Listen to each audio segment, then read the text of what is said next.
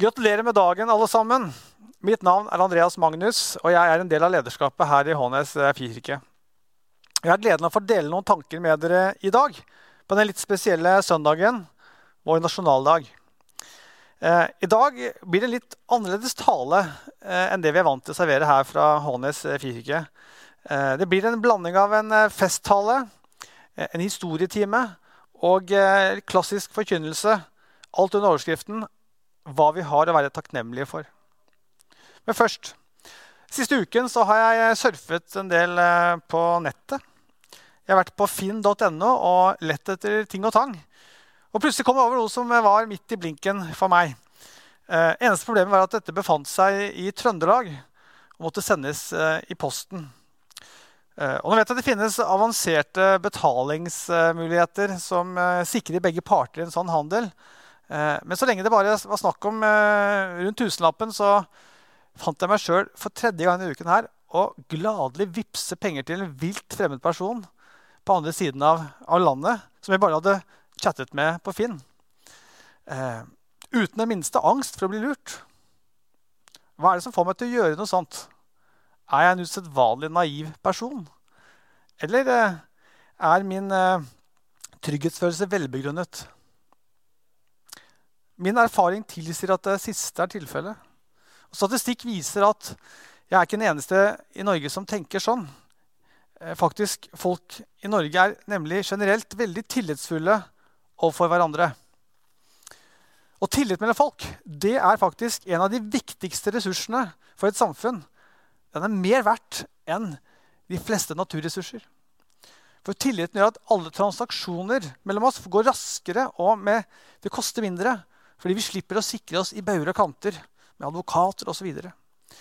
Eh, det skaper en grunnleggende trygghet som ikke noe politi kan erstatte. Uansett hvor mange millioner vi bruker på det. Og Norge er altså blant de landene i verden som scorer høyest på tillit. Og Lenge mente man at denne høye tillitsgraden var et produkt av velferdsstaten. Men nyere forskning viser at det er omvendt. Tilliten kom før velferdsstaten, og det er faktisk en en eh, nødvendighet for at velferdsstaten skal kunne fungere i det hele tatt.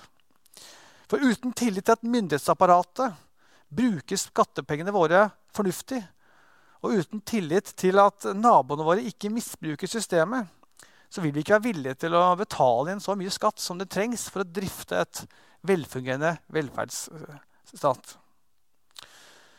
Så hvor vil jeg med alt dette her? Jo, jeg vil få fram at det er mye ved vårt land og vårt samfunn som vi kanskje ikke reflekterer over i det daglige, men som faktisk er ganske unikt, og som vi har god grunn til å være takknemlige for. Og så har vi hatt det så godt så lenge i Norge nå at det er lett å begynne å ta mange av disse tingene for gitt. Det være seg friheten vår eller freden, velferden eller naturen også. Men ingenting av dette har kommet helt av seg sjøl. Selv ikke den vakre naturen har gjort det. For den hadde jo ikke vært så vakker hvis ikke vi hadde tatt godt vare på den, som vi faktisk har klart i Norge.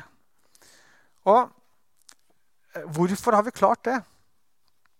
Jo, skal du høre, det har bl.a. å gjøre med et ukorrupt embetsverk som ikke lar profittsøkende opportunister forsyne seg fellesskapets arealer og ressurser på bekostning av de andre. Og det har å gjøre med en grunnleggende respekt for nesten og hans eiendom. Og det kan bl.a. forklares med en forvaltertanke som gjør at man ikke kaster søppel rundt seg overalt i naturen. Og til slutt kan det også forklares med den rikdommen og velsignelsen og velstanden vi er velsignet med i Norge, sånn at vi ikke trenger å tyne naturen for å overleve. Og Disse verdiene har blitt bygget opp gjennom generasjoner. Generasjoner av mennesker fostret opp på et bibelsk virkelighetsbilde preget av en protestantisk arbeidsetikk. Det begynte så smått med kristningen av Norge for 1000 år siden. Med Gulatingsloven og kristenretten som forbød barnemord. Som gjorde slutt på blodhevnen, og som introduserte tilgivelse og forsoning som konsepter. Og som endte slaveriet og flerkoneri i landet vårt. Og Senere ble troen individualisert og fornyet med reformasjonen etter Martin Luther. Eh, men likevel, for mange så var det først med vekkelsen etter Hans Nissen Hauge at troen for alvor fikk sette sitt preg på alle deler av livet. Og da ble det akkurat som det var for de første kristne under romertiden. Da ble evangeliet en kraft til samfunnsendring og samfunnsforbedring. Og slik har det egentlig alltid vært. Eh, når vekkelser kobles sammen med en dyp bibelkunnskap og en kjærlighet for Guds ord, og med gode forbilder, så er det ingen bedre måter å skape samfunnsendring på. For når endringer skjer på innsiden, så trenger du ikke noen ytre tvang eller vold, slik tilfellet tilfelle var lenger sør i Europa, hvor den franske revolusjonen herjet omtrent samtidig som Hauge virket i Norge. Og Hva ble da konsekvensen av Haugevekkelsen eh, i Norge? Jo, jeg skal fortelle deg. Det ble en, forløsning av kreativitet, av tiltakslyst og samfunnsansvar hos de nyvekte, som førte til en tidlig industrireising som Norge ikke hadde sett maken til tidligere. Og Samtidig ble det et oppgjør med alkoholisme, med konemishandling og med generell uærlighet i samfunnet. Rett og slett En kraftig moralsk opprustning var en av konsekvensene. Og Inspirert av Hauges forkynnelse og hans eksempel så opplevde mange fra bondestanden og av lekfolket en myndiggjøring overfor øvrigheten, de som bestemte og styrte, som var med på å berede grunnen for reelt folkestyre, som er kjernen i vårt demokra eh, moderne demokrati. Og derfor er det ikke tilfeldighet at mange av de grunnlovsmennene som var med og møttes på Eidsvoll for litt over 200 år siden, de var nettopp etterfølgere etter Hans Nilsen Hauge, vekkelsespredikanten og gründeren. Og ikke helt ulikt hva vi faktisk opplever nå med koronaepidemien, så var det krisestemning i Norge i årene før 1814. Pga. napoleonskrig, pga. Englands blokade og pga. uår. Og Siden mange nettopp var blitt vekket av Hauges forkynnelse, er det ikke unaturlig å tenke seg at det ble bedt mange bønner under de krisene. Og vi vet i hvert fall det at blant de, 100, de 112 delegatene som møttes på Eidsvoll for å starte sitt arbeid med Grunnloven, så begynte det hele greia med en gudstjeneste første påskedag, hvor de ba Gud om visdom og hjelp i det viktige arbeidet som lå foran dem.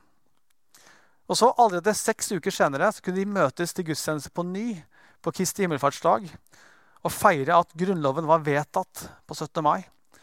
Og eh, vi hadde fått vår egen norske konge for første gang på 430 år. Nå varte ikke denne nye kongen så lenge, for svenskene ville ikke ha noe av vår selvstendighet. Og etter to ukers væpnet konflikt så innså Christian Fredrik at eh, det var ikke noen vits å slåss mot overmakten.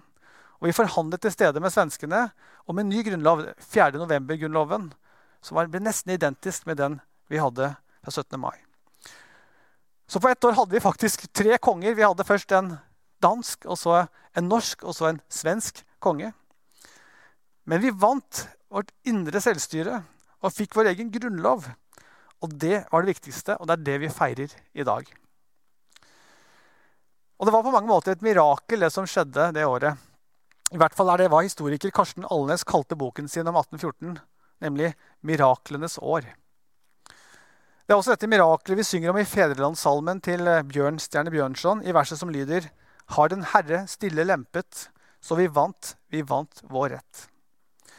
Og I årene etter 1814 så ble altså Grunnloven, sammen med Bibelen, kalt for Norges to øyenstener av eh, de gamle samfunnsbyggerne. Men tilbake til Haugevekkelsen. Jeg er ikke helt ferdig med den. For det var ikke bare viktig for fattige bønder som fikk fornyet tro på egne evner og muligheter, men den åpnet også opp for kvinnelige forkynnere og banet med det vei for en tidlig kvinnefrigjøring. Og det hele i det hele tatt eh, så var det først under Hauges ledelse og inspirasjon at tanken om det allmenne prestedømmet, det at vi alle kan tjene Gud med våre gaver talenter, noe som Luther hadde vektlagt, men det var først nå at det for alvor ble omsatt i praksis.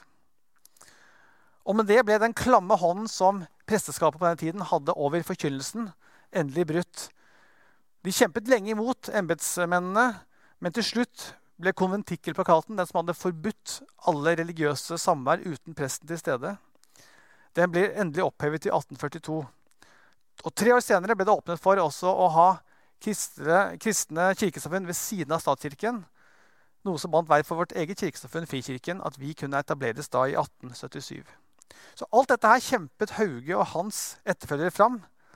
Ja, Hauge sonet faktisk hele syv år i fengsel og betalte en kjempebot for sin kamp for ytringsfrihet og religionsfrihet i Norge. Så vi har mye å takke Hans Nissen Hauge for, og vi har mye å takke generasjonene som gikk etter han.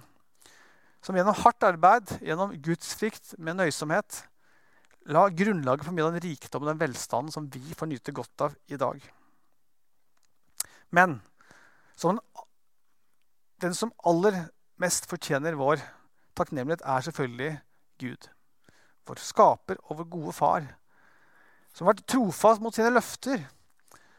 Som har gitt oss sitt ord, Bibelen.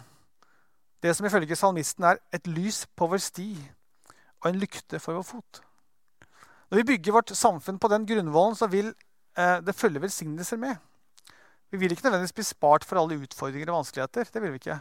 Og det er koronaepidemien et godt eksempel på.